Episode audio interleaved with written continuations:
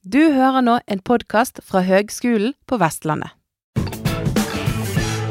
Hei, alle sammen, og velkommen til podkasten Bærekraftige bygninger. Jeg heter eh, Anne Sofie Bjelland og jobber på Høgskolen på Vestlandet, på Institutt for byggfag. Og dette her er podkasten for deg som syns det er spennende med bygg. Som er robuste, som er sunne, som er kostnadseffektive, som er innovative. Rett og slett bærekraftig. Et bærekraftig bygg er et bygg som kan tåle klimaet det står i. Og eh, vi eh, opplever et klima i endring. Og dette er et eh, veldig viktig tema som det jobbes mye med i forskningsmiljøet. Både nasjonalt og internasjonalt. I dag skal vi snakke med Anders Johan Almås, seniorforsker ved eh, Sintef Byggforsk, som eh, forsker på nettopp eh, klimatilpasning av bygninger. Sånn, ja, jeg, eh, Det jeg hadde lyst til å snakke litt med deg om Jeg tenkte jeg skulle spørre deg litt om bygningsfysikk relaterte ting, siden du er bygningsfysiker. Ja. Og så litt om dette med, med klima ja. og klimatilpasning av bygg. Ja. Eh, vi kan begynne litt med, med, bygningsfysikkfaget. For det er et ganske ungt fag. Ja. Eh, det er ganske ungt, ja. Det kom jo eh, kanskje sånn for fullt da, for ti år siden kanskje. Jeg begynte å jobbe i Multiconsult i 2005. Begynte jo da med bygningsfysikk, så det var jo et fag. på en måte. Men det fikk mye større rolle sånn utover på 2007-2008. Og da merka jeg det spesielt på oppdragsmengden at det, ble et veldig populært det, eh, tema. Og det ble òg krav om at en måtte ha egen eh, Ja, en fikk en, en egen sånn rolle da, innenfor prosjekteringen. Sånn at en overtok en del av ansvaret fra arkitekt i forhold til de bygningsfysiske detaljene. Da. Så det ble òg en naturlig liksom, del av prosjekteringsfasen å være bygningsfysiker. da, Mens før hadde en kanskje vært litt mer sånn støtte til arkitekt, men nå fikk en mer ansvar. og det var vel rundt kanskje 2007-2008. Og etter det så har det blitt et uh, fagområde som er blitt ja, mye etterspurt da, i, i prosjekt. Både nybygg og, og, kanskje spesielt på eksisterende bygg. da, på oppgraderingsprosjekt. Mm. Syns du at uh, bygningsfysikeren kommer inn på rette tidspunkt i fasen, eller? Ja, eh, vi skulle alltid selvfølgelig vært inne før, da. Det er jo liksom den standarden, da. Men, men spesielt når det ble regulert sånn at en fikk mer ansvar, da, eh, formelt ansvar, da, i prosjekteringsfasen, så kom en inn i, i en, en, fin fase da, av prosjektet. Mens kanskje tidligere så kom en inn for seint, og da ble det litt mer brannslukking, Eh, og kanskje i utførelsesfasen, da, at en kom inn og skulle endre på detaljene. Men, men, det er jo klart, alle fag vil jo gjerne inn så tidlig som mulig. Eh, men det er blitt bedre, ja. Absolutt. Selv om en gjerne skulle vært med enda tidligere. Da. Ok. Og så litt det som du, du, nevnte her, at eh, det er jo egentlig arkitekten som sitter med detaljprosjekteringen. Eller mm. tegningen av detaljer. Ja. Så fungerer det sånn nå i dag da, at, at, bygningsfysikeren jobber tett med arkitekten allerede i utforming? Eller ja. er vi kommet der? Ja, på prosjekteringen så er det i hvert fall vanlige store prosjekter. Mm. Da utarbeider arkitekten tegninger, eh, og arkitekten er jo inne i veldig tidlig fase vanligvis. da. Så lager han eh, eller hun detaljtegninger. Og så vil da bygningsfysikeren eh, komme inn og på en måte revidere og se på disse detaljene. da. Og da eh, kan en f.eks. gå inn på takdetaljer, eh, vegg, vindu eh, og forskjellig. Og så anbefaler en kanskje justere på detaljene. Og så går det an tilbake til arkitekt. Som da, så blir det selvfølgelig en diskusjon da, i forhold til det arkitektoniske og det bygningsfysiske. I forhold til å få en kall optimal løsning. Og hvis en klarer det, så går det jo ofte bra, da. Og det gjør det stort sett i, i prosjekter. Da. Men det er en sånn jeg spiller ball, på en måte, da. Kanskje mye mer enn en før. Da, men det er jo selvfølgelig arkitekten som, som tegner da, eh, detaljene. Og så gir bygningsfysikeren kanskje noen prinsipp og, og, og, på en måte ja, endrer litt, eller foreslår endringer på, helt ned på detaljnivå. da. I forhold til beslagløsninger og ja, isolasjon, dampsperre og vindsperre og den problematikken eh, der. Mm. Eh, men du, Anders Johan. Du er jo du er seniorforsker på Sintef Byggforsk. Ja, nå jobber jeg som forsker ja, på, eh, i Sintef. Ja. Og dere er jo, jeg håper si, som du har fortalt om, så er, er dere den som bidrar til og drifter Byggforsk-serien. Ja.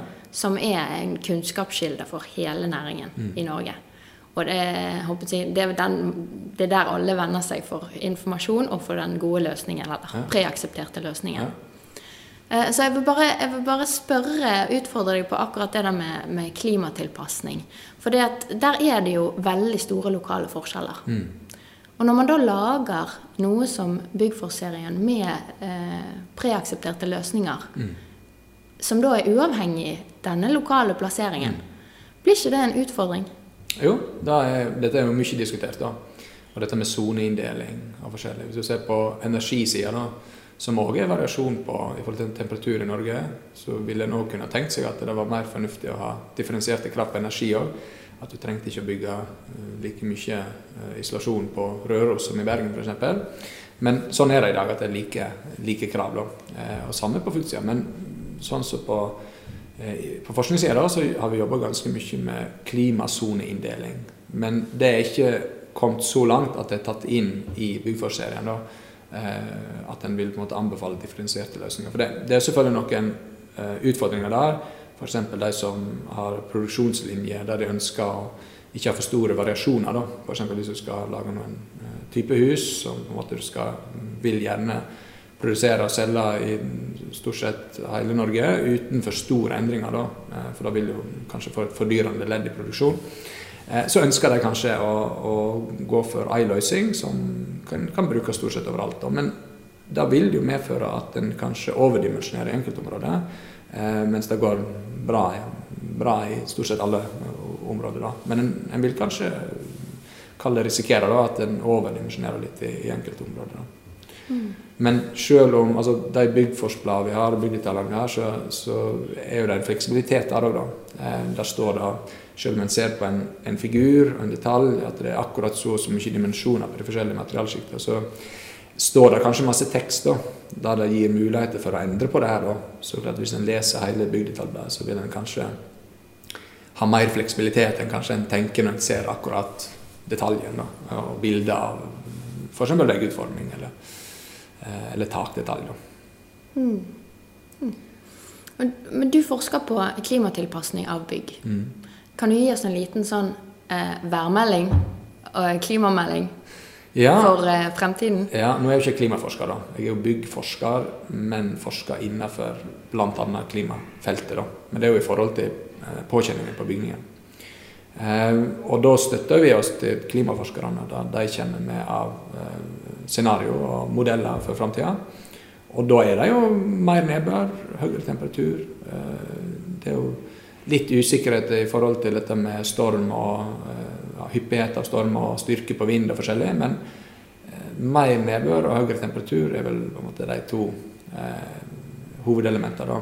Og det er jo veldig kall det kritisk da, for bygningsfysikk og påkjenning på bygninger. Om du har en teglstensbygning eller om du har en trebygning. da så er jo da de bygningene ofte satt opp i et klima basert på lange byggetradisjoner eh, over generasjoner for å takle akkurat det klimaet der. Men så er det kanskje mye raskere endringer nå enn det har vært før. Eh, og da vil en kanskje få noen problemer med det her. nå. At en må sannsynligvis bygge mer robust da, over hele linja, egentlig. Eh, fordi påkjenningen blir, blir, og er vel allerede i ferd med å bli, bli større. da. Hvilke farer er det vi står overfor da, for, for byggene, med høyere temperatur og fuktigere? Ja, det blir todelt det der. For det ene er jo ekstremværhendelser, da. Mm. da det på en måte skjer ganske store skader, men over ganske kort tid. da. Eh, og da, da har jo med skred å gjøre, med flom å gjøre, eh, forskjellige andre hendelser. Og da handler det om plassering av bygget og beredskap. da. Eh, Og hvis du har et eksisterende bygg, så handler det mest om beredskap, for da står det allerede. Men handler det om nybygg og reguleringsplaner og forskjellig, så, så er det mye om plassering. Og man må ha riktig plassering av bygget da, med minst mulig risiko for Eller en må være bevisst på risikoen en tar da, i forhold til plassering av, av bygget. Men når det gjelder ja, det vi kanskje kan si hverdagsværet, da, selv om det er et litt dårlig begrep, men i hvert fall det de små endringene da, vi ser på f.eks. Eh, litt mer nedbør eh, og litt høyere temperatur, kanskje, så har det mer effekt på de mindre skadene. F.eks. fuktskader, lekkasjeskader, eh, råteskader. Men i sum da, så representerer det veldig høye summer. Eh, og en vil jo kanskje hevde at det er eh, på en måte viktigere problemstilling. Eh, bare det at ekstremhendelsene får ofte mye mer publisitet og er en mer spennende sak å skrive om i media enn en liten fuktskalle i veggen, som det kanskje er mange av. Men, men, men, det er et viktig, veldig viktig tema, da. Eh, dette med, med ja, den, de små endringene egentlig, som en ser i forhold til byggeskikken en, en har. Hvilke tiltak skal vi gjøre i forhold til løsninger for å unngå eh, råteskader? da? Ja, det òg er jo todelt. da. Det er mye todeling her, men det er òg todelt. For det ene er jo eh, hvordan vi bygger for eh, i dag, da, med dagens klima. Eh, og så er det hvordan klimaet vil bli i framtida. Der er jo en usikkerhet. Eh, men vi må i hvert fall først bygge for det klimaet vi har i dag. Og det gjør ikke vi nødvendigvis i alle områder. da. Og Det viser seg jo fordi vi har ganske mange byggskader knytta til, til det her. Eh, så det er liksom number one eh, å, å, passe på det. Og der har vi ganske gode anvisninger i Byggforserien. Og eh, det er ganske gode lokale byggetradisjoner på det. Men så er det dette med den usikkerheten i forhold til klima i framtida. Og når alt tyder på at det blir mer nedbør og varmere og større klimapåkjenning, så bør en jo da bygge en, en robusthet da, i forhold til det her. Og det har jo med forskriftskrav f.eks. å gjøre det er jo der kanskje det viktigste virkemidlet på mange fronter er. At det må kanskje bli mer klart da, i forhold til klimatilpasning. Eh, og i forhold til anvisninger og da i forhold til å bygge robust. Da. At da må en òg legge inn en større buffer for å være sikker på å ta opp i de her endringene. For bygga skal jo stå i i mange år, enkelte kanskje i 100 og kanskje mye lenger enn det òg, med, med, godt vedlikehold. Eh, så det, det, er viktig å bygge på den kunnskapen en, en har. Da. Men det handler veldig mye om beslutninger risiko, med risiko. Da. Eh, så det er jo selvfølgelig en usikkerhet her som en ikke på en måte eh, kan gjøre så mye med. Men, men det er noen beslutninger her da, som en må, må, ta og være bevisst på denne risikoen. Det, det er kanskje da, noe av det viktigste. Mm. Men eh, dere har jo eh, laget en skadestatistikk. Mm. Eh, der jeg har sett et sånn eh, kakediagram der dere presenterte årsaken til skade. Og mm. hvor, hvor i si, en prosjekteringssituasjon, ja. eller altså et helt byggeprosjekt, hvor de oppstår. Mm. Kan du si litt om den? Ja, det er jo en, eh, vi har en byggskadestatistikk da, med noen tusen byggskader som er repetert inn til Sintef Byggforsk over en lang periode. da. Eh, og det viser jo, kanskje ikke overraskende, men at det er jo eh, ofte knytta til prosjektering og utførelse. Eh, at det da, da skader oppstår. Enten så er det gjort en prosjekteringsfeil, eller så er det gjort god prosjektering, men så er det skjedd et eller annet i utførelsen, sånn at det ikke ble som det skulle bli. da. Så det er på en måte de to hoveddelene med det. Enten prosjekteringen eller utførelsesfasen. Da. Og så viser jo den byggskadestatistikken at um, ja, jeg tror det er oppimot 75% av alle skader det er fuktrelaterte. Så det er altså fukt enten utenfra eller innenfra. Det kan jo være noen uh, rør eksempel, som går, uh, sånt, men i hvert fall det er fuktrelaterte skader. Da. Og de aller fleste er pga. klimapåkjenningen utenfra. Og fordi at bygningsfysikken hvis du skal si det, da, ikke fungerer som man skal i bygget. Og Da er det enten feil design eller feil utforming, eller at det har blitt et, en annen klimapåkjenning enn det det var bygd for. Da. Eh, så det, det, er mange, mange ting som kan skje der, da. Men, eh, men det er kanskje, ja, kanskje i, i hovedsak de punktene fra den eh, byggskadestatistikken mm. som vi har i Sintef. I forhold til disse her fuktpåkjenningene, så vi kan jo ta de litt de ja. forskjellige typene vi har. En, en, som er veldig våt, det er jo havnivåstigning. Ja. Eh, og der er det jo noen prognoser som er litt sånn skumle. Og f.eks. Mm. her i Bergen mm. så eh, skal vi nå fylle i eh, flere plasser mm. langs med, med strandlinjen vår for å bygge boligblokker. Mm. Er det så veldig lurt?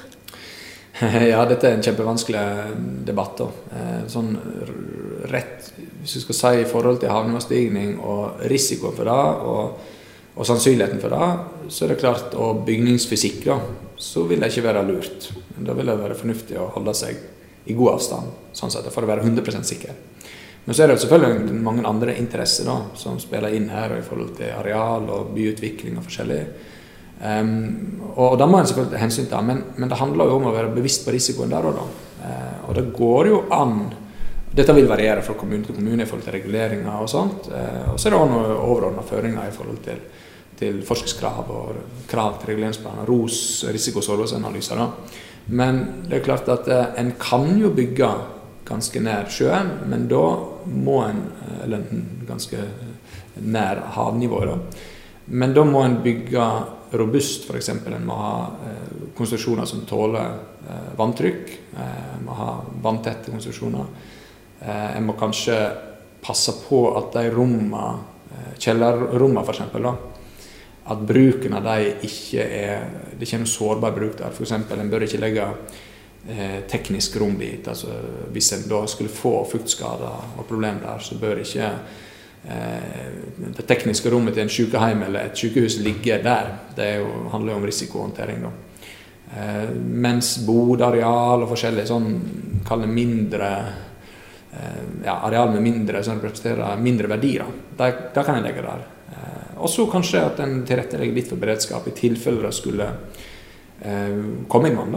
At en har mulighet for å pumpe ved stormflo eller forskjellig. Men, men det, er høy, altså det er jo høy risiko å bygge i strandsona i dag. Da. Eh, og det er ikke bare pga. havnivåstigning, men kanskje aller mest at en har stormflohendelser i dag. Da. Noen plasser nesten årlig, som, som, gir mye skader. Så, så, det er kanskje stormflo nesten et, et bedre argument da, enn havnivåstigning. Fordi havnivåstigning er selvfølgelig usikkerheter med, men, men, mest sannsynlig så vil det, den komme opp igjen på her. da. Dette er kanskje noe som ikke alle er helt uh, klar over. Altså. At den risikoen er såpass uh, stor ved bygging i strandsonen i dag. Nei, det er klart det er mange prosjekter som blir planlagt da, i strandsona. Uh, helt nede med, med havnivået. Da. Og da er det viktig å tenke på sånne ting. kanskje det går bra, og en, en, kan bygge i det området. Det vil være veldig stor variasjon fra kommune til kommune òg, da. Kystområde til kystområde. Så, så kanskje altså det, det, er veldig vanskelig å gi noen fasit på det, men det er dette med å være bevisst på risikoen. Det er kanskje, kanskje der det blir slurva litt for mye, og, og det er kanskje der det er farlig å slurve med, uansett hva fagområde en jobber med. Mm. Og så har du, Det var havnivåstigning. Så kan vi ta håper si, nedbøren, det som kommer ovenifra. Ja. Um, og der har vi overvann, som er et ja. egentlig stadig økende problem. Mm. Uh, hvordan har man endret strategien for håndtering av overvann? Ja, da, Tradisjonelt sett før da, så var det veldig vanlig å legge alt i rør. Uh, og det var tette flater, en uh, fortetta og fortetta.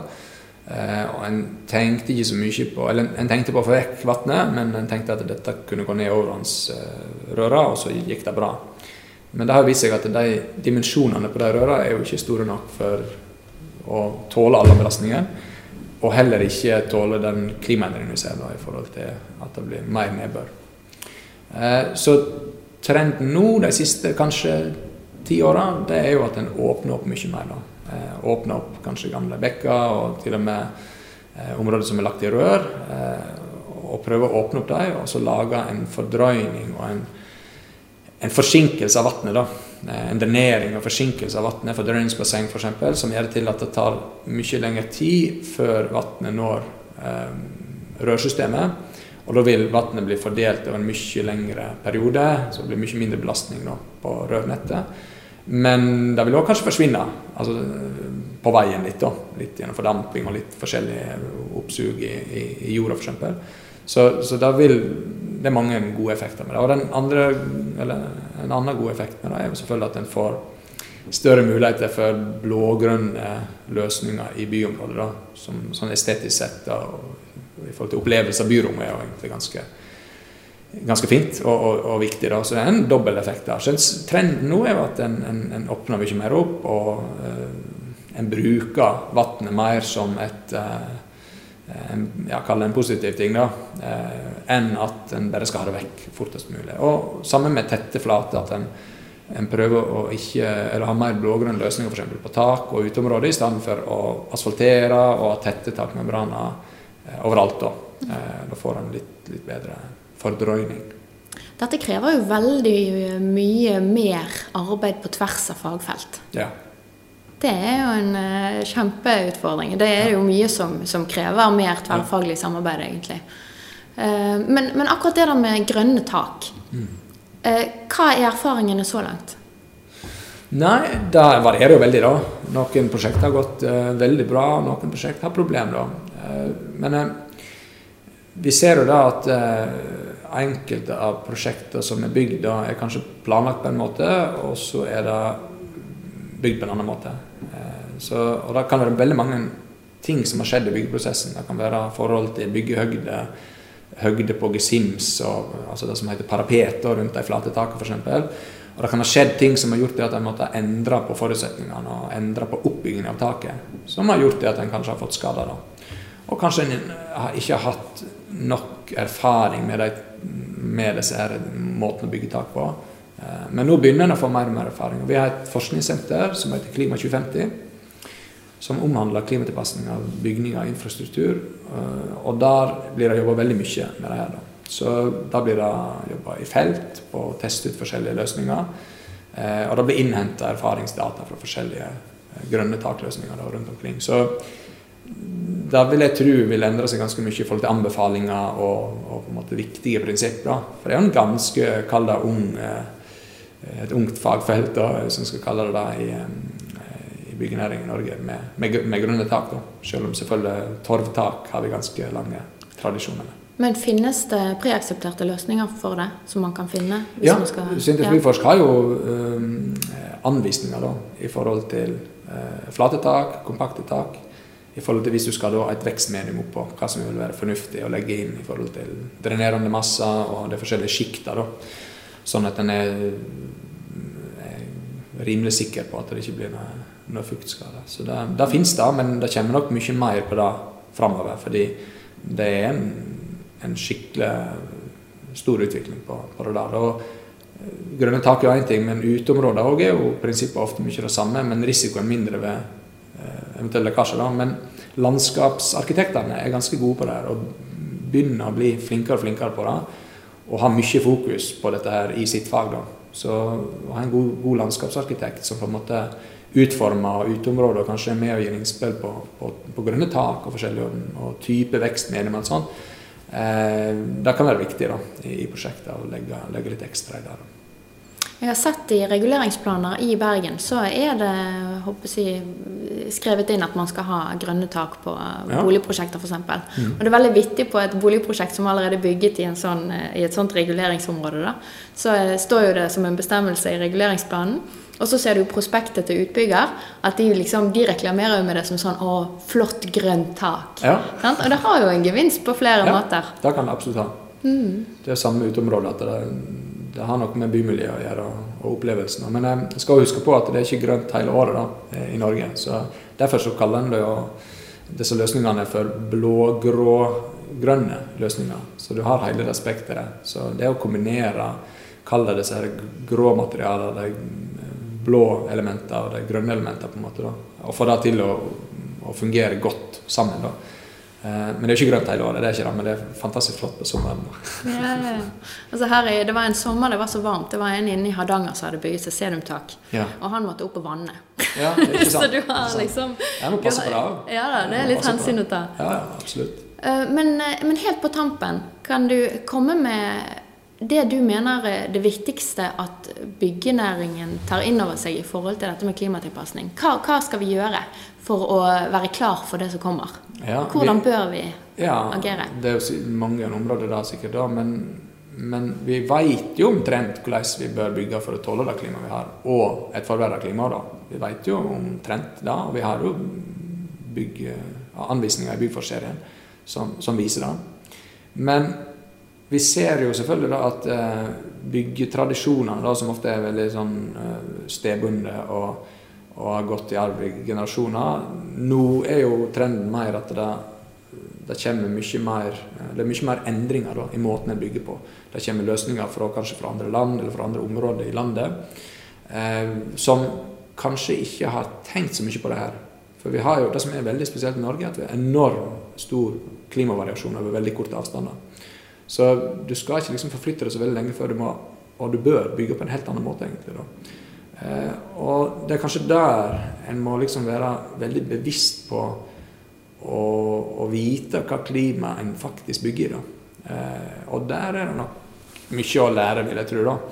Eh, og så skal ikke jeg liksom fordele noe skyld, på en måte, men på, på hva slags arkitekt, nei, ikke arkitekt nødvendigvis, men hva slags aktører da, som på en måte skal bli bedre. Og da tror jeg det gjelder hele byggebransjen, at en liksom må bli bare mer fokusert på den lokale klimapåkjenningen, da, og kanskje hvordan de her endringene bli i framtida. Og ta det opp i seg, og så ha det som et premiss for prosjektet. da. Eh, dette må en faktisk designe for, sånn at det tåler å stå der som det skal stå. da. Eh, med normalt vedlikehold. Eller så må en selvfølgelig kunne en, kan jo òg endre på vedlikeholdsinstruksen, altså hyppigere vedlikehold og noe sånt, men sjelden så ønsker jo byggherren der. Så det er kanskje det viktigste, ja. Og, og eh, at hele næringen blir mer bevisst på eh, det klimaet som er der som bygget skal stå.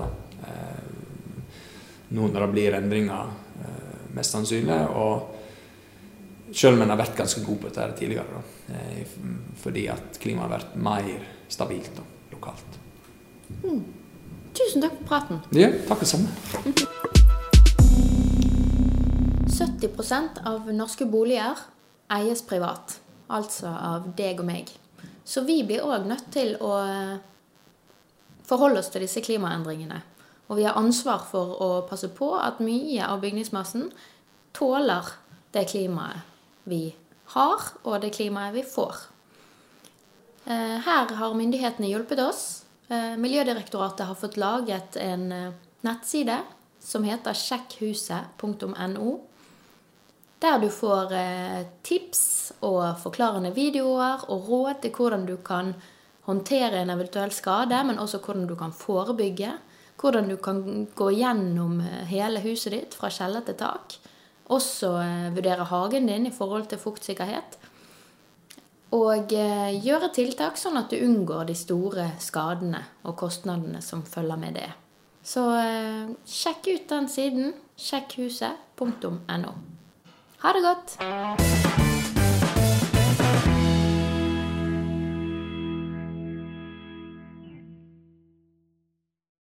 Du har nå hørt en podkast fra Høgskolen på Vestlandet for å høre flere podkaster, besøk hvl.no slash podkast.